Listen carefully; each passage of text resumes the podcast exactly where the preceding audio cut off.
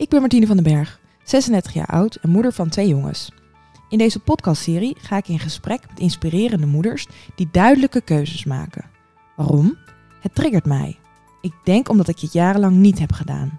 Want ik wilde alles. Mijn ambities najagen, een druk sociaal leven onderhouden, echte connectie hebben met mijn man, maar vooral de aller allerleukste moeder zijn die er is. En dat gaat dus niet. In deze serie hoor je hoe het ook kan. In balans, dicht bij jezelf en zonder schuldgevoel. Zo min mogelijk dan. Nou, welkom bij weer een nieuwe podcast voor Mom Get a Grip. Vandaag eh, babbel ik met eh Susanne Willekes. Welkom. Dank je. Jij bent eh, slaapcoach. Ja. En boek geschreven Slaap. En die, ehm, ja, dat is eigenlijk voortgekomen uit je eigen slaapgebrek. Klopt. Kan je daar wat over vertellen? Ja, ik heb zelf ehm, drie kinderen en de oudste die eh, bleek een enorm slechte slaper eh, na de geboorte. Daar werden we eigenlijk een beetje door overvallen, want we hadden echt totaal geen idee wat we konden Nee. verwachten. Ehm, En en ja, allerlei leuke adviezen waarschijnlijk. ja, zeker, zeker. En het is al 11,5 jaar geleden ook. Dus het- Oh, het klinkt, ehm, klinkt een beetje oudbollig, maar dat is toch ook best een ander tijdperk Ja. geweest. Eh, en ja, als je het gevoel hebt dat alle baby's in je omgeving op miraculeuze wijze doorslapen.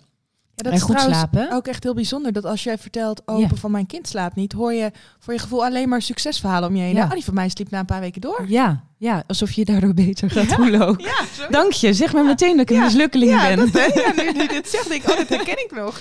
Ja, nee, eh, ik dus ook. Dus ik, ja, ik vond dat best een eenzame tijd waarin ik eh, toch het gevoel had dat ik een beetje faalde als moeder. Ik denk, ja, we, we zijn weldenkende mensen. Ik heb altijd van baby's gehouden, Ja. altijd opgepast. En, ehm, en waarom krijgen wij dit dan niet voor elkaar? En tegelijkertijd merkten we natuurlijk op persoonlijk vlak wat slaapgebrek wel niet doet. Hè, als Ja. dat lang genoeg voortduurt. En het heeft bij ons een ongeveer anderhalf jaar geduurd. Oh, dat is Ehm, echt lang. ja, en ik ont, eh, wat ik niet wist is dat ik een, ehm, na de, ik denk een aantal maanden na de geboorte een postnatale depressie ontwikkelde. Waarschijnlijk door. wist.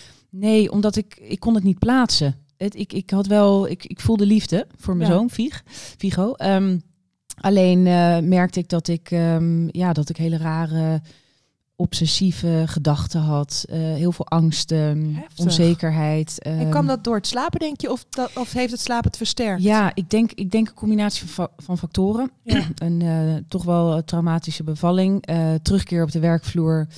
Ehm, Oh, je was waarbij, alweer aan het werk. Ja, ik ging weer aan het werk. Waarbij ehm, er flink aan mijn stoelpoten werd gezaagd. Het bedrijf zat in een overname. En dat Oh was een hele God, onzekere, heftige tijd. Plus natuurlijk het slaapgebrek. Dus ik denk dat het een optelsom is ja, geweest. En ehm, toen ik erachter kwam...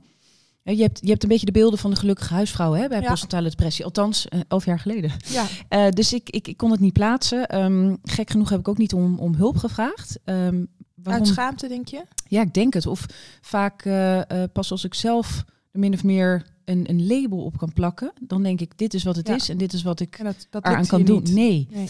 Eh, totdat ik in mijn omgeving een verhaal hoorde over iemand die ehm, bevallen was en dezelfde hè, eigenlijk gevoelens Ja. ervaarde. En toen dacht ik, oh, dat is het dus. En dat, dat was wel een belangrijk stukje voor hè, de weg naar herstel. Ja. Maar ja, los daarvan ehm, merkte ik gewoon de, de invloed op, eh, op je relatie. Hè, met je Ja, vriend of man als je niet slaapt. eh, de we zeiden net al en- even inderdaad, s'nachts, Ja. dat, je, dat je echt al naar elkaar snauwt van nu is het jouw beurt. Ja, maar ik ben net al geweest. En we zouden dit doen Ja. en ik kan niet meer. En, Ja, en dan dat gehuil op de achtergrond. ja. En dus ja, en op de, op de werkvoer. Ik, ik, ik weet nog dat ik eh, op een gegeven moment een, ehm, een mailtje binnenkreeg. Gewoon een intern mailtje. Ik denk van vijf of zes zinnen. Dat ben ik dus nooit meer vergeten. En ik, ik denk, dit lees ik dus al voor de vijfde keer. En ik weet nog steeds niet wat er staat. Het was echt een hogere wiskunde. Nee, nee, het kwam niet binnen. Wauw. Naast het feit dat ik een keer ehm, eh, een middag thuis aan het werken was met een collega. En ehm, dacht ik op een gegeven moment eh, een soort uit mijn lichaam treding ervaring had. Want ik Wat zag er? mezelf van boven. Keek ik op mezelf neer terwijl ik aan het tikken was. Ja, echt ook. Ik was niks aan het tikken volgens mij. Maar ik, ja, ik, was als het ware uit mijn lichaam getreden. Gewoon midden op de dag, hè, op een vrijdagmiddag. Je echt denkt zo, slaapgebrek. Ik, het was eigenlijk denk ik een soort hallucinatie of zo. Ja. Toen dacht ik ook, dit, dit gaat niet eh, helemaal goed. Ehm, en ehm, eh, we hebben op een gegeven moment ook besloten, hè, want er werd ook altijd gezegd, je moet nooit je kind in je bed nemen, want dan is het einde zoek, kom je nooit meer vanaf. En ehm, ja, toen waren de meningen natuurlijk al, die Ja. zijn er nog steeds vrij Ja, maar dat was toen heftig. natuurlijk nog erger. Ja. Ja. ik heb het al ervaren inderdaad vier jaar geleden, maar elf jaar geleden was dat natuurlijk nog veel Zeker. conservatiever. En op een gegeven moment zag ik ook, eh, en mijn zoontje van, van 11, 12 maanden sliep nog maar een kwartier op de crash. Enorm ondernemend, eh, enthousiast eh, mannetje overdag hoor. Een heerlijk Ja. kind. S'nachts was het een ander, ander verhaal. Oké, dus overdag merkte je verder niet nee, veel niet, aan hem. niet echt. Gewoon Behalve, heel veel energie. Ja, en gewoon ook wel vrolijk van nature. Alles wat de dag met zich meebrengt brengt en bracht, eh, vond hij fantastisch. Ehm, tot dat moment dat ik hem een keer s'avonds in bad zette en hij echt als een soort schim, wit met zwarte kringen onder zijn ogen, gewoon voor zich uit zat te staren. Ik denk, dit gaat niet goed, we gaan het nu anders doen. Screw, als het ware, alles wat iedereen vindt. Ja, Ehm, en toen heb ik hem bij ons in bed gelegd. En toen hè, hebben we langzaamaan wat beter geslapen. En, en een aantal maanden na onze verhuizing heb ik gedacht van, nou ja, dit, eh, dit eh, laten we hierop voortborduren. Dus in ieder geval was zijn, als ik, met, hè, als ik terugkijk nu met professioneel oog, was zijn vermoeidheid, laten we zeggen, weggepoetst als Ja. het ware. En, ehm, En hoe oud was hij toen? ja, hij was denk ik een maand of 17, denk ik. En, eh, en toen ging het ja, eigenlijk ontzettend eh, goed. Ja, dus door zijn vermoeidheid kon dat hij... erger. Ja. ja. ja. En ik denk, hè, hij is een, een heel eh, alert, eh, sensitief of hoogsensitief en temperamentvol kind. En nog steeds. En ik zie heel veel van dat type baby's Ja? en kinderen in mijn praktijk. En die hebben van nature meer moeite met overgeven aan slaap, met de buitenwereld buitensluiten. Ehm naast het feit natuurlijk dat slapen aangeleerd is en dat je niet van een pasgeboren baby kan verwachten dat hij het zomaar zelf doet, hè? enkele weken na de geboorte. De kindjes bestaan, daar zijn Ja. mensen dan ouders vaak ook heel trots op en terecht. En zo dat, dat type kindje wa- waren onze tweede en derde meer. Ehm, en ehm, dan gaat het ook allemaal ietsje, ietsje makkelijker. Bizar, want Ja. wat jij, hoe jij je zoontje omschrijft, zo omschrijf ik ook echt mijn oudste zoon. En, Mhm. en die sliep dus ook moeilijk en slaapt nog steeds moeilijk. Ja. Of er is vaak iets s'nachts. Mhm. Of dat hij even bij me komt liggen. En dat vind ik nou dan ook allemaal, prima. Ehm, en ik ga er ook steeds relaxer mee om. Hij heeft ook heel erg behoefte aan geborgenheid Mhm. en veiligheid. Ja. Ehm, Ja, En misschien die- reageert hij ook heftig in deze tijd op het feit dat Sinterklaas er is. ja, hè, de feestdagen. Ja. Hij zit Maar net op dat- school. Blijft dat voor altijd een, een issue bij, bij die Mm, kindjes? Het blijft, je? een, Of- het blijft een karaktereigenschap, denk ja, ik. Ja, dat sowieso. Maar het moment dat kinderen ouder worden, en dat, dat spreekt natuurlijk ook uit ervaring, hè, want eh, Vigo is nu elf, ja, dat je wel merkt dat dat dat slapen op een gegeven moment natuurlijk, dat wordt, dat wordt steeds makkelijker. En Ja. hij kan ook steeds makkelijker bij zichzelf denken, oh, het was een nare droom, maar het Ja, is niet je echt, kan weet het je wel. uitleggen. Ja, tuurlijk. Ja. En ehm, dus dat wordt, dat wordt op zich wel makkelijk, maar nog steeds merk ik wel bij hem hè, dat, dat bepaalde prikkels. Of, prikkels of gevoeligheden, zeg maar, dat, dat het bij hem wel een, ehm, Ja. nog steeds een rol speelt, dat hij dat als een spons opneemt. Ja. En, en daar wat heftiger op kan reageren. Misschien dan een is. kind dat minder gevoelig is. Ja. Ja. En jij zegt, eh, slaap kun je, kun je dus leren. Mhm. Eh, eh, eh, geef tips. Want Ja. ik denk dat heel veel moeders hierop zitten, Zitten te, wachten, Ja. te azen. Ja, tuurlijk. Nee, kijk, ik vond dat echt een enorme eye-opener. Hè? Want ik heb natuurlijk zes jaar geleden laten opleiden tot, tot gentle sleep coach. Toen ik besloot mijn carrière hier Ja. uiteindelijk van te maken. Ja, oh, daar moeten we straks nog even naar terug. Want Zeker. Dit, dit vind ik wel heel leuk om Ja. te horen. Ehm, en ehm, ik vond dat een enorme ja, openbaring en eh, iets heel positiefs eh, vanuit die gedachte uitgaan. Dat in slaap vallen, nachten doorslapen, en zonder hulp en aanwezigheid van ouders, dat dat aangeleerd is. Net zoals dat kinderen, vooral in Nederland natuurlijk, leren fietsen, maar leren zwemmen, lopen, eh, praten, lezen, schrijven. En dat alleen al geeft natuurlijk, is een heel hoopgevend ehm, Ja. gegeven. Dat je denkt, oké, ieder Hè, gezond kind vanaf een bepaalde leeftijd kan dit dus leren met hulp Oh. van ouders. En dat is dus wat ik doe. En hoe leer je dat? ja, goede vraag. Nou, kijk, ik weet nog toen ik vijf jaar geleden mijn praktijk startte, hè, als eerste van Nederland. Nou, oeh, kinderslaapcoach. Ehm daar Zonder ze in een rij? Nou, het ging eigenlijk vrij snel best goed, moet ik zeggen. Eh, maar toch, het was natuurlijk een nieuw fenomeen, een, een, een nieuw woord, een, een, een nieuw beroep. Ja. Ehm, maar dat is eigenlijk relatief snel gegaan, want ik ben nog vijf jaar eigenlijk non-stop eh, ontzettend druk in mijn praktijk. En eh, gelukkig maar, want dan kan ik zoveel mogelijk ouders met dezelfde ja, worstelingen geweldig. helpen. Ehm, maar er werd vooral toen ook gedacht, oh, en er was ook nog wel wat aversie tegen slaapcoaching. Hè? Want er werd altijd vanuit gegaan, oh, dat betekent dus per definitie dat je je kind alleen laat huilen. Of Oh, echt waar? Ja. Was dat automatisch Ja. de gedachte? ja, je laat je kind toch van twee weken oud toch niet huilen om het beter te laten slapen. Dan was het natuurlijk, eh, en dan eh, wilde ik altijd erg duidelijk maken, ook in, in de media en zo, dat het niet dat er andere methodes zijn dan Ja. hè, de deur dicht doen en gewoon je kind maar laten. Plus dat het heel belangrijk is dat ik nooit een kind op te jonge leeftijd coach. Hè, want de wetenschap ondersteunt coaching of training, hoe je het ook wil noemen. Voor, voor baby's in beginsel hè, wordt er gezegd zes maanden, maar Mhm. vooral laten we zeggen in de eerste 22 weken, gerekend vanaf de uitgerekende datum, ook een belangrijke, dat de wetenschap coaching voor baby's van die leeftijd niet ondersteunt. En natuurlijk wil Oh. dat niet zeggen als je een babytje gewoon in bedje kan leggen of in het wiegje kan leggen. En het is happy en het eh murmelt een beetje, valt in slaap. Niks mis mee, maar je hebt genoeg kinderen die, die al bij het zien van het matras beginnen te begint krijsen. Ja, verschrikkelijk. En dan is het gewoon niet zo verstandig om daarmee door te gaan. Nee. Weet je, die, in die eerste paar maanden, laat ik het zo zeggen, is emotionele ontwikkeling en hechting belangrijker dan, niet dan slaap, maar de manier waarop een baby slaapt. Dus als het Ah. niet lukt, ja, dan heeft een babytje gewoon nog hulp nodig Ja. door middel van hè, vasthouden. Ja, en dat is dus ook heel oké. Ja, dat om is oké. in slaap te wiegen dan en een, eh, een beetje een Ja. flesje te geven. Of, Ja. eh, En je, ja, je kan gewoon, eh, geen enkel babytje wordt met die slaapvaardigheid geboren. Ze hebben nog niet eens een ontwikkelde nee, interne klok of biologische klok. Hè? Dat ontstaat pas zes tot acht weken na de geboorte. En hoeveel ouders krijg jij bij je die, van kindjes die echt al, misschien al een jaar zijn, die nog steeds in slaap gewiegd worden? Veel. Ja, waarschijnlijk veel. Ja, ik kan me want- voorstellen dat je dat uiteindelijk maar gaat doen of ja, blijft doen. als het niet lukt. En, en ehm, eh, vervolgens ook dat je denkt, ja, hoe kom ik hier dan weer vanaf? Weet je wel, Ja. na zoveel maanden. Ja. Kijk, wat je ziet is dat er natuurlijk door omstandigheden, soms aard en karakter van een kindje, medische start in het leven of gewoon ehm, omdat je ervoor kiest natuurlijk heel erg te investeren in, in hechting en emotionele ontwikkeling, gelukkig maar. Ehm, dat, ehm, ja, dat er natuurlijk verschillende manieren zijn om dat te doorbreken. Nou, de Ja. meest bekende en ehm, nou ja, in sommige opzichten misschien wat ouderwetsere methodes zijn. En vooral de eerste alleen laten huilen, wat er vroeger Ja. natuurlijk werd gedaan. Nou, je hebt een schone luier, je hebt een voeding gehad. Ja. Zelfs nog een Nou, ui over de bol. de hand, je bent dus nog ja. gelukkig, want je hebt nog een ui over je bol gekregen. Maar ik zet je niet meer in de schuur, want je krijst urenlang. Ehm, dat is natuurlijk een echt, beetje van de generaties terug. En het alleen laten huilen wordt ook nog veel hè, geadviseerd.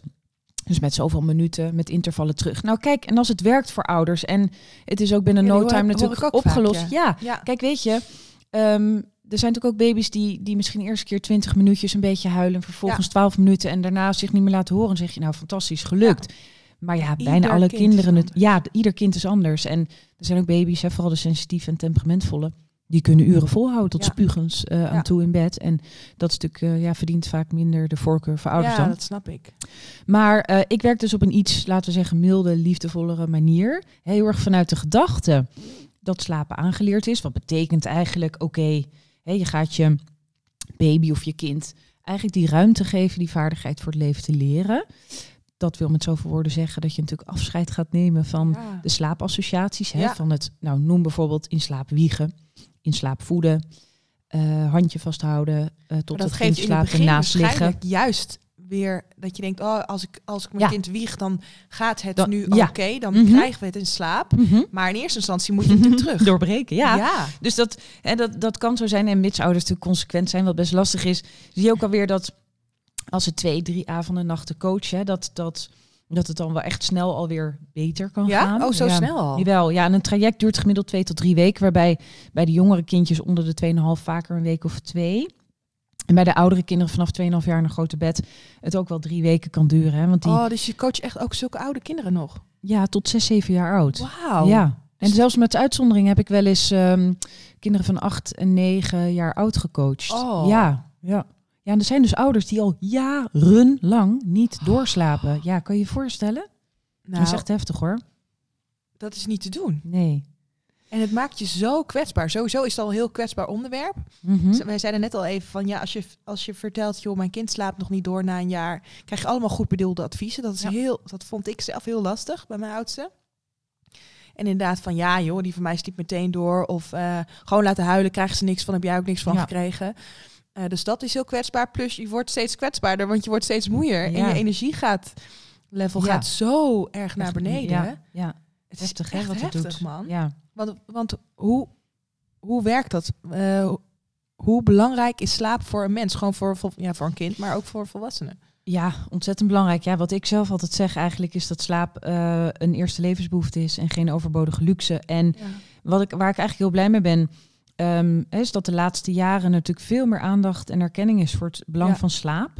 In het algemeen, maar ook voor uh, de impacten van, van slaapgebrek voor het hele gezin. En er wordt meer en meer um, uh, slaap als, als uh, pijler, of misschien wel belangrijkste pijler gezien van de algehele vitaliteit van mensen. Ja. Dus um, ja, eigenlijk een toevoeging aan gezonde voeding en, um, en beweging. Ja, dus mensen durven misschien ook sneller bij jou aan te kloppen of durven, maar voelen misschien minder, ja. minder hoge drempel ja. inmiddels. Ik denk dat het taboe er een klein beetje van af aan het gaan is. En het mensen moeten ook zo zien is het is juist een, een, een kracht als je die hulpvraag stelt ja, en dit wil ombuigen, dan dat het een zwakte is. Ja. ja, dat is Gun echt het jezelf, die slaap. Ja, ja je hebt, en, en je kind en jezelf. Ja, absoluut. Hey, en hoe heb jij dat uiteindelijk doorbroken dan? Is dat bij jouw zoontje door hem in bed te leggen, dat hij um, toch aan zijn slaap kwam, dat hij toch iets heeft aangeleerd? Ja, nou dat is echt een hele goede vraag. Dat heb ik natuurlijk in de afgelopen vijf jaren vaker uh, afgevraagd. Um, ik kan het niet pinpointen tot iets. Ik, ik vermoed, kijk, in die tijd had ik natuurlijk niet de kennis die ik nu heb. Nee. Hè? Um, ik weet wel dat op een gegeven moment die beslissing om toch te denken, nou, we moeten allemaal meer slaap komen. Want ik zie dat nu ook mijn zoontje eronder leidt. En dat Ja. is dus het laatste wat ik wil. Um, dacht ik, dan gaan we gewoon voor uren. Hij moet gewoon uren slapen. En um, dus ik denk natuurlijk dat die, die, die ontstaan en opgebouwde vermoeidheid is daardoor verdwenen. Wat, Ja. eh, wat al een hoop scheelt. Ehm, want een, een uitgerust kind slaapt beter dan een vermoeid kind. Ja. Ehm, alleen daarmee heeft een kind niet zomaar een vaardigheid onder de knie natuurlijk. Hoe dat is gegaan, ehm, weet ik niet precies. Ik denk ook dat die, als ik kijk naar eh, schematisch, dat, dat, eh, dat hij uiteindelijk overging naar, naar één slaapje. en hij gewoon de, de, de wakkertijden tot bedtijd voor zijn leeftijd beter aankon. Hè? Want laat ik het zo even zeggen. Eh, de coaching waar het over gaat, is natuurlijk het aanleren van de vaardigheid. Dus we kijken hoe gaan ouders om met bedtijd, hoe gaan ouders om met die wakkermomenten s'nachts en het eventueel in slaap helpen overdag. Dat is één stuk. Dat is echt heel bewust, zeg jij. Ja. Ja, kijk, Ja. Dat, dat, hè, dat is iets wat je een kind aanleert. En heel Ja. stapsgewijs daarin als ouder steeds meer afstand kan nemen. Zodat een, hè, een kindje daarin nog Zelf- onafhankelijker en zelfstandiger wordt. Maar alleen dat noem ik eigenlijk altijd een beetje te eendimensionaal. Want verder focus ik ook op, en dat is inherent aan coaching hoor, maar op de verbetering van de kwantiteit en de kwaliteit van de slaap. En dus zorgen dus dat een kindje uitgeruster raakt. Ehm, en het slapen daardoor makkelijker wordt. Plus dat ik voor ieder babytje, ieder kind kijk naar hoe kunnen we hem of haar fysiek in staat stellen, zo makkelijk mogelijk in slaap te vallen en de nachten door te slapen. En dat hangt weer af van een aantal factoren. Waaronder natuurlijk het bedtijd, wakkertijden, eh uren slapen slaap. overdag, dat soort dingen allemaal. En ik denk ook dat daarin, denk ik op een gegeven moment ehm, bij mijn zoontje een soort verschuiving plaatsvond, waarbij eh, die omstandigheden hem, eh, omstandigheden hem in ieder geval fysiek in staat stelden om gewoon die nachten door te kunnen slapen. Wauw. Ja, dus, dus ik denk dat dat soms gewoon qua timing Ja. samenvalt. Dus daar- zo kijk ik er eigenlijk op terug. Ja. En die periode was toch een klein beetje ook een blur voor mij. Hè? Dus sommige Ja. dingen ben ik ook vergeten. Dat is Ja. heel raar. Snap Maar ik. ik vermoed- beter. Dat is beter, denk ik. en de rode draad was duidelijk. Ja. maar het heeft wel iets moois opgeleverd natuurlijk. Ja, hè? En dat is zeker. mijn werk nu. Dus daar ben ik ja, hartstikke en hoe is dankbaar dat voor. gegaan? Want je, want je uiteindelijk, eh, je, je zat in een baan die, die je niet Ja. meer fijn vond. Nee, ja, kijk, ik heb uiteindelijk een jaar of twaalf ehm, in, eh, in sales, marketing, PR en events gezeten voor eh, een mediabedrijf en, en eh, in de mode. Ehm heb een hele andere achtergrond, want ik heb rechten gestudeerd en wilde ooit de internationale Hey! advocatuur in. Zo Oh, zie je maar weer hoe het leven kan lopen, Geweldig. toch? Leuk. En ehm, toen, toen, ik was eigenlijk binnen die twee bedrijven misschien wel, nou niet de enige moeder, maar een van de weinige moeders. En dat, was, dat leverde natuurlijk ook best wel stress op. Hè? Ja. Werk combineren met... oh, dat snap ik zo goed. met en je moederschap. wilt dan opboksen en ja. ik kan nog steeds net zoveel. En ja, ik, maar ondertussen moet je wel om half zes weg om die crash te kunnen halen met het tien verkeersovertredingen, bijna vluchtstroken pakken en eh, zweet onder je op het nippertje eh, door oranje rijden. Om vervolgens hoog gehakt in, eh, in leren broek bij die crash aan te komen. En ja, ja, zit ze op de gang met je kind met zo'n blik van Oh. ontaarde moeder. Oh. Dus, en op, werk wordt er gekeken alsof je een snipperdag Ja. opneemt. Dus Ja, dat, Ja, die, en, en ik, eh, dus dat, hè, dat is natuurlijk best stressvol. En wordt dan niet goed gezien dat je s'avonds ook nog je laptop openklapt. Ja. En uiteindelijk wel in je uren komt. Maar ehm, eh, daarnaast merkte ik wel na die twaalf jaren fantastische tijd overigens gehad hoor, bij beide bedrijven. Dat ik denk, ja, een combinatie van, van moeder worden en ook wat ouder worden. Dat ik dacht, nee, ik, ik mis een stukje voldoening en betekenis. Weet je, ik wil Ja. weer meer echt met mensen werken. Ja. En het, ik heb al mijn hele leven met kinderen willen werken. En nou ja, slaapgebrek ehm, heeft ook een grote rol gespeeld in mijn leven. En als jong eh, meisje heb ik zelf ook wel vaker ehm, eh, slechter geslapen. Door piekeren vooral. Ehm, Maar hoe kwam je tot de keuze om ja, studie te gaan nou doen? uiteindelijk ben ik er dus achter gekomen dat het fenomeen slaapcoach in Amerika al jarenlang een begrip was. En landen als Australië en nog wel wat landen hoor in de wereld. En dat was voor mij echt alsof ik een, Ja. een openbaring had. Dat was heel bizar. En ik wist meteen, Dit bam, is het. dit is het. Oh, te gek zeg. Wat Dit is het. dat je dat voelt. Echt, ik, Wauw. alsof ik zo door de donder was eh, ja. geraakt. Dus, eh, en toen dacht ik, ja, en als ik dit doe, dan wil ik natuurlijk de, de best mogelijke opleiding Ja. volgen die er op dat vlak is. Kijk, je werkt met een precaire doelgroep, hè, dus met Ja. ervaring van slapeloze moeder red je natuurlijk niet. Dus toen ehm, heb ik ook eigenlijk tegen, tegen niemand wat gezegd. Ik zei, dit is, dit is wat ik ga doen, dit is mijn missie in het leven. En tijdens de zwangerschap van, eh, van mijn derde heb ik dus die opleiding gevolgd. Wel op afstand hoor, eh, Ja. bij Kim West, een Amerikaanse. Met ontzettend veel ervaring in een hele toonaangevende Vet zeg. eh, super opleiding. En ehm, tijdens mijn verlof heb ik eigenlijk gewoon eh, ja, de achterkant opgezet, hè, site gebouwd en ehm, dat soort dingen. En toen heb ik op een gegeven moment dacht ik, I'm going to spread the word. En dit is wat doe. En weet je, stel, stel het lukt niet, stel ja. het, het mislukt. Ja, ik heb het gedaan. Wat, wat, wat is het ergste dat mij kan Ja, gebeuren? Dat, dat omdat is een hele ik, omdat vraag ik opsta en weet dat je wel, dus de allerbeste vraag die je Ja. zelf kan stellen. Maar hoe spannend is zo'n eerste traject met ouders? ja. Want dan denk je van, oké, ik heb geleerd hoe, hoe het Ja. dus werkt. Mhm. Maar, oh my god, nu in de praktijk. dan en ja, ook? precies, gaat dit lukken? En ik had Ah. tijdens mijn studie wel drie pro bono cases gedaan. Hè? Dus, eh, dat, eh, dat was een voorwaarde voor, eh, voor ehm, het examen. Oh, dus je voelde je al wel een beetje veilig. Ja, daarin. maar toch, het, het is nieuw. En, en ieder kind is anders. En iedere leeftijdscategorie heeft zijn eigen hè, uitdagingen. Dus dan is het vooral nog weer even in de, in de stof duiken. En natuurlijk veel langer de tijd Ja. nodig hebben om voor te bereiden. En Eh, vooral veel, veel overservice. Omdat je denkt, maakt me niet uit hoe, maar hè, dit Ja. gaat slagen. En ja, hoe langer je bezig bent, hoe groter Ja. dat vertrouwen wordt. En, En je voelt natuurlijk steeds meer aan dat je denkt, oh, dit is een overprikkeld kind. Of dit is, Ja. ja, ja dat, Precies, dat dus ik, ik, ik haal overal snel de, de, de pijnpunten ik, uit. Ja. En- Hey, dus, we ja. hebben nog best wel wat vragen eigenlijk binnengekregen. ja, Eh, en ik vind het leuk om er even drie uit te pikken. Eén vraag van Isaline. Ehm, wanneer stopt een baby met haastslaapjes doen? Een babytje van drie maanden. ja, goede vraag. Er lopen veel ouders tegenaan. Babytjes die, ehm, die eigenlijk steeds maar kort slapen Ja. overdag. En wat we met een hazenslaapje bedoelen, is ehm, een slaapje korter dan 45 minuten. Oh, Eh, dat is baby's, best lang. ja. Maar dat is dus, nee, Jij maar dat is dus een haastslaapje. jij denkt meteen- minuten. Jij denkt meteen terug. Ja. jij. Eh, wacht even, daar is misschien wat misgegaan Ja, destijds. Nee. Maar ehm, nee, in principe is, is, is een slaapcyclus voor eh, baby's en kinderen tot twee jaar 45 minuten. Ja. Een hazenslaapje kan inderdaad zijn 10 minuten.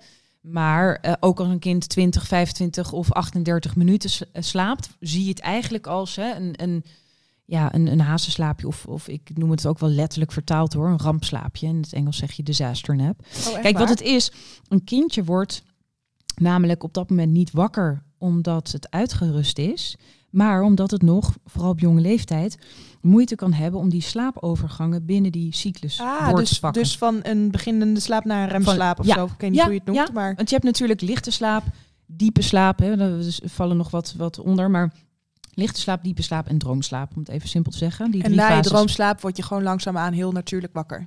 Ja, of je En pakt, of je je pakt de volgende over. cyclus erachteraan. Ja. Maar inderdaad, dan wordt een kindje bijvoorbeeld wakker omdat het het vermogen nog niet heeft om op eigen kracht die cyclus te Dat is voltooien. eigenlijk heel sneu, want het, dat kind Ja. wordt dus ja, best wel overstuur of, of in paniek wakker. En is Kan, niet kan. uitgeslapen. En sommige kinderen die super alert zijn en denken, yes, dat- des te meer tijd heb ik om te spelen. Hè, Ja. wijze van, om even Ja. het brein van een baby te duiken. Ehm, die denken, ik heb voldoende geslapen om weer even op door Ja. te kunnen. En dat, dat zie ik vooral bij de sensitieve en alerte babytjes.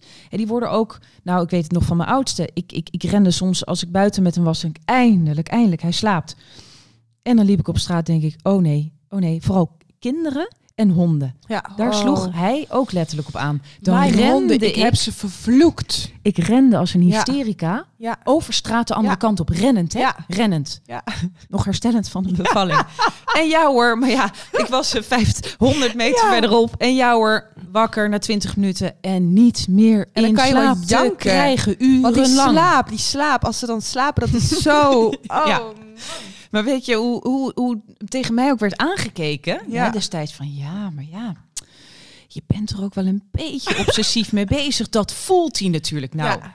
Dat, nou, is, dat is het ergste. die wat- sneer Ja. die voel ik nog ja, steeds. dat ik ik voel dit ook weer nu je dit neem hem een week, Ja. neem hem een week en je zal merken dat hij slaapt niet en hij heeft het nodig, snap je? ja, en je weet, als, als, als hij dan wakker wordt, Is te het gedaan? vroeg, dan Ja. weet je de hele, de, de hele dag, weet Ja. jij hoe het, hoe het is. Ja. Want ik weet ook nog, als hij dan sliep en er kwam iemand bij de voordeur binnen en die Oh. begon hard te praten, Nee. dat ik meteen al iedereen naar binnen trok, binnen de deur. Dat ze En dan voelde nou, die Martine echt- gaat dan niet goed ik, hoor. Ja, dan voelde ik me echt zo'n hysterische Nee, je moet gewoon stofzuigen en ze moeten maar wennen aan geluid. Ja, ja, ja, ja.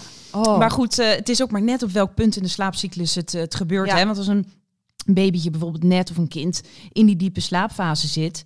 Ja, dan kan het ook zo zijn dat je denkt... Nou, eh, er, ging, er ging een partij vuurwerk af en een duizendklapper en hij werd niet wakker. Maar Ja. hoe kan het nou eh, vijf minuten daarna? Ik, ik een kraak in mijn knie, tien meter verderop en Ja, hij begint te Maar huilen.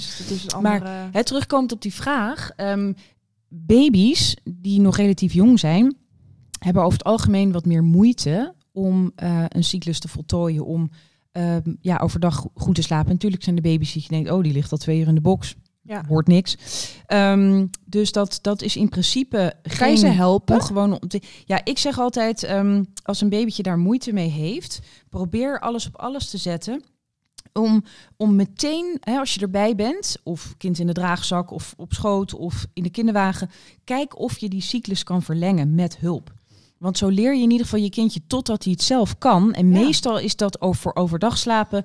Kan je het in beginsel pas verwachten vanaf zes maanden. Oké. Natuurlijk zijn er baby's die het vanaf geboorte af aan al doen. Maar ehm, tot die tijd help je baby een cyclus vol te maken of de volgende eraan vast te plakken. En dan, dan is het simpelweg gewoon nog iets. eh, Dus dus ook echt leren. ja, ja. Ja. En, en, en ook accepteren dat, dat niet iedere baby met drie maanden dat al zelf lukt. Nee. En ehm, dus hulp bieden daarbij is dan niet zo'n groot probleem. Plus dat ik altijd adviseer, probeer dan wel je baby zoveel mogelijk meerdere kortere slaapjes overdag te doen. Ah. Want dan zorg je er in ieder geval voor dat die slaaptank een beetje Ja. gevuld blijft. Hè? Als Ja, het maar, maar drie als korte slaapjes zijn, ja. dan raakt je baby oververmoeid. En dat gaat gegeven s'avonds moment... gaat Ja. het s'avonds Ja. weer niet slapen.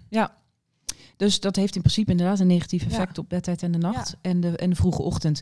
Ehm, los daarvan zie je natuurlijk ook dat een kind als het ouder wordt, en ontwikkelt die slaap zich overdag meer en meer. Dat is een soort route richting slaapvolwassenheid. Ja. Bedtijd en de nachten ontwikkelen zich sneller. hè. Het vermogen dus om kinderen daar langere rukken te maken en of door te slapen.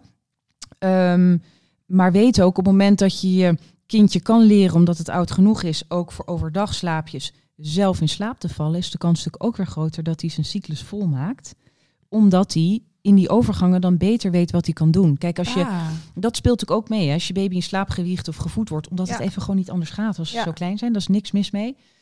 Ehm, wordt natuurlijk wakker en denk je, ja, ik, ik weet niet hoe ik het zelf moet doen, kan je me alsjeblieft weer helpen zoals je deed bij het in slaap vallen. Ja. Snap je? Dus dat hangt natuurlijk allemaal een beetje met elkaar samen. Maar de belangrijkste boodschap is, stress niet. Denk niet dat het aan jou ligt. Ehm, denk niet dat je kindje het nooit zal leren, maar bied gewoon hulp en zorg dan voor meerdere korte Ja. slaapjes, zodat het, hè, dat er alsnog zoveel mogelijk wordt geslapen. ja. En na een maand of zes wordt Ja. Of het gaat vanzelf, of je kan wat actiever natuurlijk daarbij helpen met Ja. coaching. Ja. Eh, even kijken. Sharon zegt: Ik heb een zoontje van zes maanden. Hij wordt altijd wakker om vijf uur. Mhm. Hij heeft dan geen honger, hij is gewoon wakker. Wakker, lekker spelen, ja. Of, of gillen. Ja. Ja, oh, die komt ook zoveel voor, Ja. die zogeheten early rising. En ehm, hè, soms krijg ik ook wel vragen van mensen van ja, het gaat eigenlijk goed overdag slapen, gaat goed bed, het gaat goed nachten, gaan prima tot vijf. Maar Zo heb je dan niet één tip? Dat is natuurlijk altijd best lastig, Ja. want dat is vaak het allerlaatste stukje van de coaching Ja. wat op zijn plek valt. Maar ik kan zeker een paar factoren noemen die van invloed zijn op die vroege ochtenden. Eh, die zijn natuurlijk erg interessant hè, in het algemeen. Ja. Ehm, kijk, in beginsel is zes uur, dat is universeel, je kan het vroeg vinden en, en zo ervaren, maar zes uur is in principe de start van de dag. Ehm, niet ieder kind is een vroege vogel, maar je zou wel de, eh, je, je kindje van vijf naar zes uur moeten kunnen brengen. Ja. Ehm, wakker worden om vijf en dan denken, nou, ik vind het een mooie tijdstip om aan de dag te starten, is een pittige. Want bij ons wordt rond vijf eh, worden slaaphormonen aangemaakt. Hè? Dus wij zijn op ons allervermoeidst, Om vijf uur. minst consequent en op ons meest ongeduldig. Oh, Dus dus dat dat, zijn- is een super heftige tijd om Ja, wakker te worden als ja. moeder. En, en dat is de meeste, op dat tijdstip zie je dan eh, in de meeste gevallen dat, dat het kind alsnog bij de ouders in bed belandt. Want dus denk je, dit hou ik niet vol. Ja. Ik moet nog een uur of twee uur slapen. Ja. Kom er dan maar bij, weet je. Ja. Maar ehm, even terug op de, de factoren die van invloed zijn op die vroege ochtenden. Die ga ik even opzommen. Dus onthoud goed, schrijf mee. Ja, ik schrijf. Ehm, is één, een te late bedtijd. S'avonds heb ik het over. Ehm, Ah. Nou, de vraag is natuurlijk meteen, wat is te laat? Nou ja, dat hangt natuurlijk af van het kindje, van het aantal slaapjes dat een kind overdag doet en de leeftijd. Maar er wordt vooralsnog best vaak gedacht dat als een kindje vaker wakker wordt s'nachts of 's ochtends heel vroeg. Nou, laat ik hem dan maar wat later in bed leggen, want dan Dan is hij hij lekker door. moe. ja. Of dan plakt hij er een uur langer aan vast. Maar het Ja. tegenovergestelde is vaak waar. Dus kijk even naar die Ja, naar die bedtijd. En een natuurlijke bedtijd, ieder kindje en ieder babytje heeft die, ligt tussen 6 en 8 's avonds voor kinderen tot 6 jaar. En het betekent in slaap zijn. Dus als de baby bijvoorbeeld om half acht, kwart voor acht slaapt. En ehm, eigenlijk is een natuurlijke bedtijd kwart voor zeven met zes maanden. Dan kan dat ervoor zorgen dat je vroeg wakker wordt. Nou, Een andere factor die op- daarop van invloed is, ehm, is te weinig slaap overdag. ah. Kijk, een baby van zes maanden heeft gemiddeld, het zijn gemiddelde, hè, 11 uur per nacht nodig en 3,5 uur slaap overdag. We hebben niet gezegd dat een baby niet meer dan 11 uur kan slapen hoor. En maakt, maar mag het ook 13 uur per nacht zijn en, En dan één of twee, twee- uur overdag? kan, maar je ziet soms wel, ja, als je kind dat doet, denk je, nou, waar kan ik tekenen? Ik Ja. zettel er meteen voor. Maar soms kan natuurlijk 1, anderhalf uur per dag er wel voor zorgen dat die 13 uur s'nachts niet wordt gehaald. Hè, snap je? ja. Dus in principe kan, Ja. kan het zeker zo zijn dat je zegt, nou ja, ik weet niet, maar op de een of andere manier krijg ik er niet meer dan 2,5 uur uit. Maar eh, mijn kind slaapt 13 uur per nacht. Denk je, nou, niks meer Ja. aan doen, want ze slaapt meer dan gemiddeld. Ehm, te weinig slaap overdag in principe is, ehm, he- heeft een neg- negatief effect op bedtijd in de nachten en die vroege ochtenden. Dus ehm, dat speelt een rol. Dan hebben we nog de, de eentje die ermee samenhangt, is de wakkertijd tot bedtijd. Een baby van zes maanden kan gemiddeld ongeveer anderhalf uur wakker zijn tot bedtijd. Dus slapen tot vijf, bijvoorbeeld half zeven in slaap. En er zijn Ja. ook baby's misschien die, die wel twee uur wakker Zo. kunnen zijn hoor, met zes maanden. Maar ik, ik ken er genoeg in mijn praktijk die echt maar Zo. wakkertijd hebben van anderhalf uur. Ja. En als een kindje Oh, bijvoorbeeld... dat is wel ehm, heftig zeg. ja, toch? Eh, slaapt overdag, maar om half vier wakker wordt. En dan om kwart over zeven slaapt, kan die drie uur, drie kwartier bijvoorbeeld de reden zijn dat het kindje om vijf uur Ja. s'nachts wakker wordt. Eh, dan hebben we Wauw, nog. dus die ritmes Ja. zijn zo belangrijk. Ja, zeker. Super interessant eigenlijk. Maar ehm, dan nog een belangrijke is, op het moment dat een kindje slapend in bed wordt neergelegd, hè, bijvoorbeeld in slaap gevoed, in slaap gewiegd of in de armen in slaap laten vallen, of als een kindje te slaperig naar bed gaat, dat wil zeggen, hè, je, je baby gaat erin, ehm, maar die ogen vallen al bijna dicht. Dus je denkt, nou, ik denk dat het 1, 2 minuten heeft geduurd en ehm, toen was ze in slaap. Wat er dan gebeurt is, als een kindje dan om vijf uur wakker wordt, dan denken ze eigenlijk in feite, ja, nou ja, ik heb best wat uren geslapen. En ik lig nu vrij wakker en alert in dit ledikant, maar ik heb echt geen flauw idee wat ik moet doen om weer in slaap te vallen. Dat weten ze zelf niet, want dat hebben ze niet geleerd omdat Nee. ze zo lekker ingewiegd zijn. Daarom, dus eigenlijk zouden ze dan bij wijze van spreken om vijf uur weer het wiegen of iets nodig moeten hebben. Dus Ja. je wil vooral dat je kindje, en dat, soms moeten ze dat dus leren nog, om vanuit een wakkere staat zelf in slaap Ja. te vallen. Oh ja, dan, dan heb ik eigenlijk meteen zelf een vraag. Ja. Mijn zoontje van vier, die ehm, gaat rond half acht naar bed. Mhm. Is gewoon niet moe. Eh, en ik denk dat hij gemiddeld de laatste maanden rond negen uur, kwart over negen in bed in slaap valt. En hij komt eruit en eruit en eruit. En uiteindelijk, wat ik de laatste tijd vaak doe, Mhm. is ga bij hem liggen in zijn bed. Mhm. En eh zeg, nou, nu doen we onze ogen dicht. Ik ben lekker bij je. En hij valt in slaap. Ja. maar dat is eigenlijk ook niet te doen. Nee, want je hele avond is weg. Ja, en als hij dus wakker wordt s'nachts, dat gebeurt Ja. zo'n paar keer per week, komt hij lekker bij Ja. me liggen. Ja, En eigenlijk is dat dus niet gek, omdat ze denken, en waar is mama nou? Nu Ja, want ik heb, ja, daarom moet ik eraan denken. Wat je zegt, dat in hè? slaapwiegen is eigenlijk een beetje dezelfde manier. Ik ga maar bij hem liggen. Het is exact wat je zegt. Kijk, hij gaat er niet slapend of te slaperig in. Maar in die zin, uiteindelijk help je hem natuurlijk, door ernaast te liggen. Nou, Ja. en bedtijd en de nachten correleren. Dus als hij wakker wordt, denkt hij, ja, ik kan dit niet. Zonder Ja. dat mama naast me ligt. Ja, En dan vind ik alsnog papa en mama's bed nog net even wat fijner. Dus dan trippel ik wel daarheen. ja. Dus wat ik zou doen, kijk, een kind van vier heeft gemiddeld 11,5 uur slaap nodig. Dus ik weet niet hoe laat hij meestal 's ochtends wakker is. Dat je het gevoel hebt, dit is zijn zeven natuurlijk... uur, half acht. Ja, Dus oké, dat is- dus denk niet- dat is niet kort. slecht. Maar, ehm, en dan zou je eigenlijk willen dat hij inderdaad bijvoorbeeld rond, ehm, rond half acht in slaap is. Ja, Dus je zou ook eens kunnen zeggen, we gaan net 20 minuten eerder alles instarten. En dan zou ik persoonlijk zeggen, als je toch weet dat het een tijd duurt en dat je uiteindelijk ernaast gaat liggen, kan je beter zeggen, ik start vanaf bedtijd direct door naast zijn bed te gaan zitten. Gewoon direct, zodat hij denkt, oh oké, mama is er. En dat hij bij wijze van spreken in een kwartier in slaap valt op tijd. en zitten, niet En bij dan- liggen. Nee, daar zou ik dan al meestal. Hè, dan, Ja. dan verplaats je en dan ga je ernaast zitten. En als hij er dan een paar keer per week uitkomt, dat je met hem terugwandelt en je zegt, maar ik blijf bij je zitten totdat je slaapt. Hè, dat je hetzelfde Ja. doet van bedtijd. En Maar dat dat, hij het zelf in slaap dat je- leert. ja, vallen. en, maar ook het vertrouwen heeft van, oh ja, ik Ja. kan dit wel. En dat is ook een groot dingetje hè, bij de oudere kindjes. Dat we Ja, dat ik hoor hem ook zeggen, mam, ik durf het niet. Ik durf, het, Nee. durf niet te gaan slapen. Nee, Ik, ik smoesjes, maar nee, maar dan, zo geef je het vertrouwen van, jij kan dit en papa en mama zijn er altijd voor jou, Ja. weet je wel. En dan ga je natuurlijk wel kijken, oké, hoe ga ik die aanwezigheid naast dat bed zittend natuurlijk afbouwen, hè? Ja. Want als je dat bij bed het in stand houdt, dan blijft hij eruit komen s'nachts. Dus dat je dat afbouwt en je kan hem weer in bed leggen en hij gaat zelf slapen en misschien roept hij nog een keer, dus je ga maar lekker slapen, schat, mama is hier. Dan is Ja. de kans op doorslapen natuurlijk ook weer groter. En ook omdat hij dan niet te laat in slaap valt. Ja. Het, een te late Ja, dat zorgt waar, ook weer voor nu- wakker worden. ja, nu merk ik, ik probeer dit uit te stellen, uit te stellen, uit te stellen. Ja. Totdat ik denk, ja, nu ben ik echt klaar mee. Hij moet gewoon echt zijn slaap hebben. Dan ga ik wel bij hem liggen. Tuurlijk, maar hij weet dat. Dus daarom gaat hij anderhalf uur. Oneindig eh, terugkomen. Mam, ik kan niet slapen. Omdat hij weet. Uiteindelijk. Dus kan maar beter zeggen, oké, hij vindt het moeilijk. Hij gaat door een lastige fase. We gaan hem er even bij helpen. Maar we gaan hem niet meer in slaap helpen. Door ernaast te gaan liggen en in bed te nemen. Maar in figuurlijke zin neem ik hem wel bij de hand Ja. in het leerproces. Ja, om mooi. even opnieuw Ja. hè, eh, dus het vertrouwen op te bouwen. En een bepaalde bestaande situatie weer te doorbreken. En dan natuurlijk stapsgewijs weer. Dat weer af te bouwen. Ja, ja. Mooi. ja, Dankjewel. toch? Ehm, eh, wat, waar ik nog nieuwsgierig ben, naar ben. Jij bent uiteindelijk gaan doen wat je, wat je dus waarvan je dacht, wauw, dit vind ik te gek. En dit, dit, is, dit is wat ik moet gaan doen. Ja. Heel cool. Ehm, maar hoe combineer je het zelf? Je hebt drie kindjes, je hebt een onwijs drukke praktijk. Mhm. Hoe doe Ja. je dat? Nou, ik ben geen heilige. Laten we dat even voorop stellen. Ik ben altijd voor eerlijkheid. Ja, heel goed. En transparantie. Ehm, maar ja, dat, dat, eh, dat, is een, dat blijft altijd wel zoeken naar balans. Daar ben ik heel eerlijk in. Wat ik wel ontzettend vind schelen, is dat ik nu natuurlijk vijf jaar eigenlijk voor mezelf werk, dat ik mijn eigen tijd in kan delen. Ja. En dat ehm, bespaart me een hoop hè, stress. Als er een keer iets is met de kinderen of ik moet op school helpen, dan ben je wat redelijk ook. flexibel. dan kan ik dat inplannen. Ja. En, en dan ben ik niet afhankelijk van een akkoord van hè, een, een, een, eh, een HR-manager Nee. of een, ehm, een manager. Dus dat geeft mij heel erg veel rust.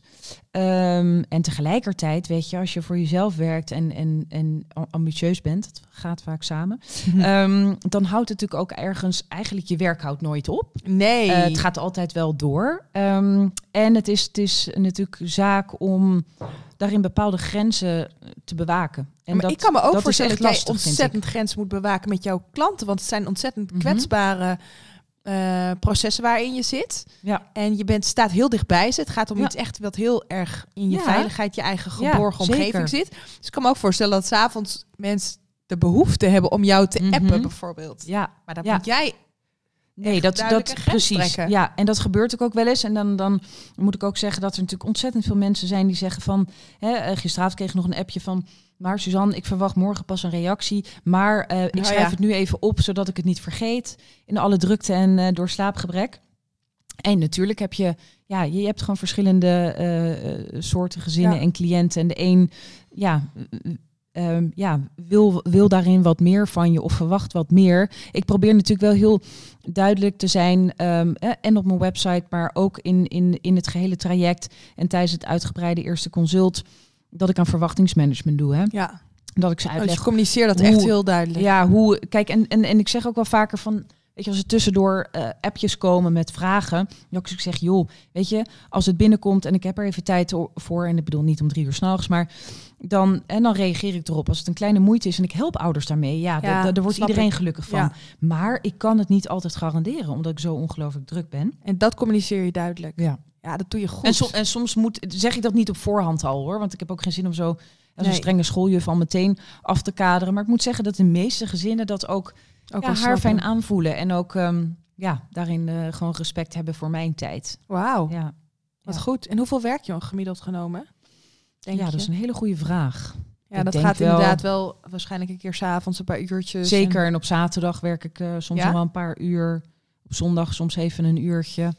Ja, ja, gaat zo door. Ik heb wel de eerste twee jaren dat ik mijn praktijk had, en toen waren de kinderen natuurlijk ook jonger, heb ik eigenlijk ehm, zeven dagen in de week en ook in de avonden gewerkt en ook op vakantie. Wauw, je bent er echt vol voor Ja, gegaan. ja, ik dacht, ik, nu, nu moet ik het uit de grond stampen. Ik moet, Wat knap. Ja, en dat heeft natuurlijk wel. eh, Ja, dat werpt nu natuurlijk ook zijn vruchten af. Dat je Zeker. er zo knetterhard voor Zeker. bent gegaan. maar het, dat was ook wel behoorlijk vermoeiend. En toen heb ik op een gegeven moment voor mezelf gezegd: Oké, ik heb iets neergezet. Het, het loopt, het staat. Ehm, nu vind ik dat ik kan zeggen van de avonduren zijn voor mijn eigen Ja. gezin. Kijk, hoe ouder je kinderen worden, hoe later je zelf beneden Ja. bent. Hè? Ja. Dus ehm, je hebt ook tijd nodig om zelf even tot rust te komen, in de avond. Ja. En die, die mars wordt steeds kleiner met een, met een Ja. eh, pre-tiener. Ehm, Ja. Dus, dus ja, het, ik, ik, het blijft wel een beetje een, eh, een zoektocht, eh, moet ik heel eerlijk zeggen. Dus Maar het, ga- het gaat ook niet anders. Hè? Ik had gisteren toevallig een mastermind met Annemarie van Gaal en Marlies Dekkers. En dat ging over sacrifice en over een business neerzetten. En zij zeiden ook zo duidelijk van... joh, als je echt ergens voor wil gaan... mhm. Het komt niet, van, Nee, niet vanzelf. niks. Nee, Nee, nee. je moet er gewoon knetterhard kei, voor en, werken. kei, en keihard werken. Ja. En dan moet je echt dus ehm, ja, sacrifices Ja, voor doen. Dus je, precies. echt, je hebt dan je gezin en je werk, punt. ja. En ja. als het kan in het Hopelijk weekend je man nog. Ja, nog je man en een vriendinnetje. En, en, meer it, zit er gewoon niet in. Nee. Ja, en eh, goed dat je dat wat... Ja, dat vind ik alsnog soms wel, eh, wel moeilijk. Ik heb wel ge- gemerkt, ook een paar jaar geleden, dat ik dacht, wil ik dit fysiek en mentaal volhouden, dan, dan eh, eh, moet ik gewoon ook meer ehm, aan selfcare doen. Ja. Eh, dus ik ben vanaf dat punt dat ik dacht, ja, waarom gaat mijn man twee keer per jaar met vrienden of skiën of Ja. een weekend weg en doe ik dat eigenlijk Ja. nooit? Dus daar heb ik veranderingen in aangebracht. Dat is natuurlijk afgelopen jaar wat lastiger gebleken. Maar de twee jaren daarvoor, dus wel één, twee keer per jaar even een weekend weg met vriendinnen. Plus dat ik echt meer ben gaan sporten. Goed Om zo. fysiek en mentaal Ja. gewoon sterk en krachtig en zo evenwichtig mogelijk te blijven. Ja, heel goed. Nee, maar het is echt zo als je fysiek sterk voelt, Ja. ben je Ja. ook gewoon mentaal sterker. Absoluut. En jij slaapt natuurlijk goed. Ja, nou ja, ik moet heel eerlijk zeggen dat ik af en toe wel streng tegen mezelf moet zijn. Hè? Dat ik niet te lang in een Netflix-serie of zo ja? ja, bij de loodgieter lekt het, hè? Ja, maar goed, weet je wel, als ik, als ik naar bed ga, ja, dan moet het wel heel raar zijn, wil ik de nachten niet doorslapen. Maar heb jij een bepaalde routine of heb je daar een tip dat je zegt, wel, als je dat of dat, of dat afloopt, dan Voor val je jezelf lekker je? in slaap? Ja? Ja, eh, er zijn natuurlijk ook ontzettend veel volwassenen hè, met slaapproblemen. Even los van of ze Ja. kinderen hebben of niet. Ehm, het grappige is dus als je elke avond je eigen bedtijdroutine, dat klinkt natuurlijk heel kinderlijk, maar je eigen routine afloopt, je eigen eh, ja, modus, ehm, dat dan automatisch je brein vertraagt. En met Oh. een vertraagd brein val je makkelijker in slaap. Dus als je elke avond Dus als je brein weet ik doe hey, alle lichten uit beneden. en Ik ga naar boven. Ik heb de voordeur op. Ik noem wat voordeur. Ik ga douchen. Ik, ik ehm, maak mijn gezicht schoon. Ik poets mijn tanden. Weet je wel, dat soort dingen. Ik heb al eh, de lichtjes je op de dus gewoon- Ja, grappig hè? Bizar. En inderdaad, wat je zegt over het douchen of in bad gaan eh, voor het slapen gaan, heeft ook een gunstig effect hè, op eh, in slaap kunnen vallen in ieder geval. Eh, omdat je eh, je lichaamstemperatuur daalt op het moment dat je onder de douche of uit bad komt. En daar hoef je helemaal niet per se koud voor te douchen. Maar als je er onderuit komt, daalt die lichaamstemperatuur iets. En dat maakt het ook makkelijker om in slaap te vallen. Dus Ah. zelfs als je als er een hittegolf is bijvoorbeeld, kan het verstandig zijn. En dan kan je best lauw douchen of niet steenkoud. Om toch te douchen. Ja, ja. Ja. Ehm, sowieso een goed geventileerde slaapkamer, niet al te warm. Dus tussen de 16 en de 19 graden is ideaal. Ehm, een paar uur voor het slapen gaan, eh, intensief sporten is meestal niet eh, het verstandigst om, hè, als je last hebt van, van slaapissues. Verder, En, eh, schermen, hè? scher- ja, ik wou zeggen, ik heb Ja. gisteravond tot half twaalf gewerkt. ja, En ik wilde eigenlijk douchen, maar ik denk, maak mijn man wakker. ja, Ik wil oh altijd ja, graag, precies. altijd Ja, graag. Ja, Hij sliep al. ja, En ik lag er om 12 uur in. Ja, ik ben een Ja. hele makkelijke slaper, Ja. maar ik kom, dan kom ik dus niet in slaap. Nee. En dan, ik zet wel heel vaak 10 minuutjes slaapmeditatie aan. wat want dat goed. werkt eigenlijk best wel lekker. Ja, Als op zo'n moment dat ik denk, ah, dat gaat niet goed. ja. Ik dat, dat, dat, dat, dat. Je, Ja. je, je brein werkt gewoon nog op volle toeren Ja, of dat zo. is hetzelfde als dat je een lange autorit hebt gehad en je komt thuis en je, en je denkt, oh, het is al kwart voor twaalf, Ja. ik moet echt naar bed. Dat heeft vaak niet zoveel zin, omdat je nee. zo geconcentreerd achter Ja, het stuur hebt gezeten. Even rustig even unwinden. Ja. Maar ook ehm, alcohol kan er wel voor zorgen dat je sneller in slaap valt, maar werkt wel slaapverstorend, omdat het invloed heeft op de, op de kwaliteit van, Ja. je, van je slaap. Of Ja, dat je soms en eerder wakker wordt. gisteravond was ik dus tot laat aan het werk. Was dat lekker Ja. in mijn kantoor. Ik dacht om half elf, ja, kut, ik moet nog wel een uurtje. Ik neem Ja, even een wijntje ja. hoor, want dat heb ik wel verdiend. Dus ik Ja, zat precies. lekker te werk met een wijntje. Ja, Maar daarna verwacht ik dat ik meteen in slaap val, wat, Ja. wat niet gebeurde. En ik heb inderdaad ook helemaal niet lekker Nee. diep geslapen. nee. Dus dat, dat soort dingen zijn Ja. van invloed wel als je zegt, oké, elke dag minimaal een uur naar buiten. Eh, vaste bedtijd 's avonds. 's ochtends, hoe eerder je na het opstaan naar buiten gaat. Hè, er is op dit moment natuurlijk niet heel veel licht of zonlicht. Maar die exposure aan gewoon buitenlicht, 's ochtends vroeg, maakt dat je makkelijker 's avonds in slaap kan vallen. Omdat je die interne klok, die biologische klok, nog wat strakker afstelt. Dus dat helpt ook. Oh, dus je kan die klok dus echt afstellen, zeg Ja. jij. Ja, Het is wel echt beren interessant, ja super hè? Zo. Ja, is het. En sowieso to-do-lists maken. Hè? Als je een piekeraar bent bijvoorbeeld. Van tevoren allemaal dingen opschrijven van dit komt morgen en ik parkeer het. Het klinkt heel simpel, maar Ja. het kan heel effectief zijn. Dat je dat al klaar hebt liggen. Ja, Eh, maar inderdaad echt. ook schermen. Hè? Dus als je aan het werk bent, kijk of je het scherm waar je mee werkt, of je dat op een soort night mode zet. Ja. Of je hebt tegenwoordig ook van die brillen, hè? Die het licht filteren. Oh. Waardoor het blauwe licht, want dat is het punt. Het blauwe licht dat wordt afgegeven door schermen, dat verhindert de aanmaak van melatonine, het slaaphormoon. En dat maakt het zo slaapverstorend. Oké, Nou. we zitten echt ver over onze tijd. we kunnen nog wel uren doorkletsen, denk ik. Ja, is echt, niet normaal zo interessant. Ja. Voor kinderen, voor, voor, ja, voor slaapproblemen bij kinderen. Maar ja, Mhm. net zo belangrijk natuurlijk bij eh, Ja, gewoon je eigen bij slaap, volwassen slaap. Te ja, bewaken. Normaal. Wauw. Hey, dankjewel voor je tijd. Heel graag gedaan, we, leuk. eh, we hebben niet alle eh, vragen kunnen eh, beantwoorden, maar eh, nou, dat doen we op een, op een later moment of kan via Ja. de DM. ja, zeker. Dus nou, dankjewel en ehm, ja, tot snel. Tot snel. Hoi. Dank je. Hoi.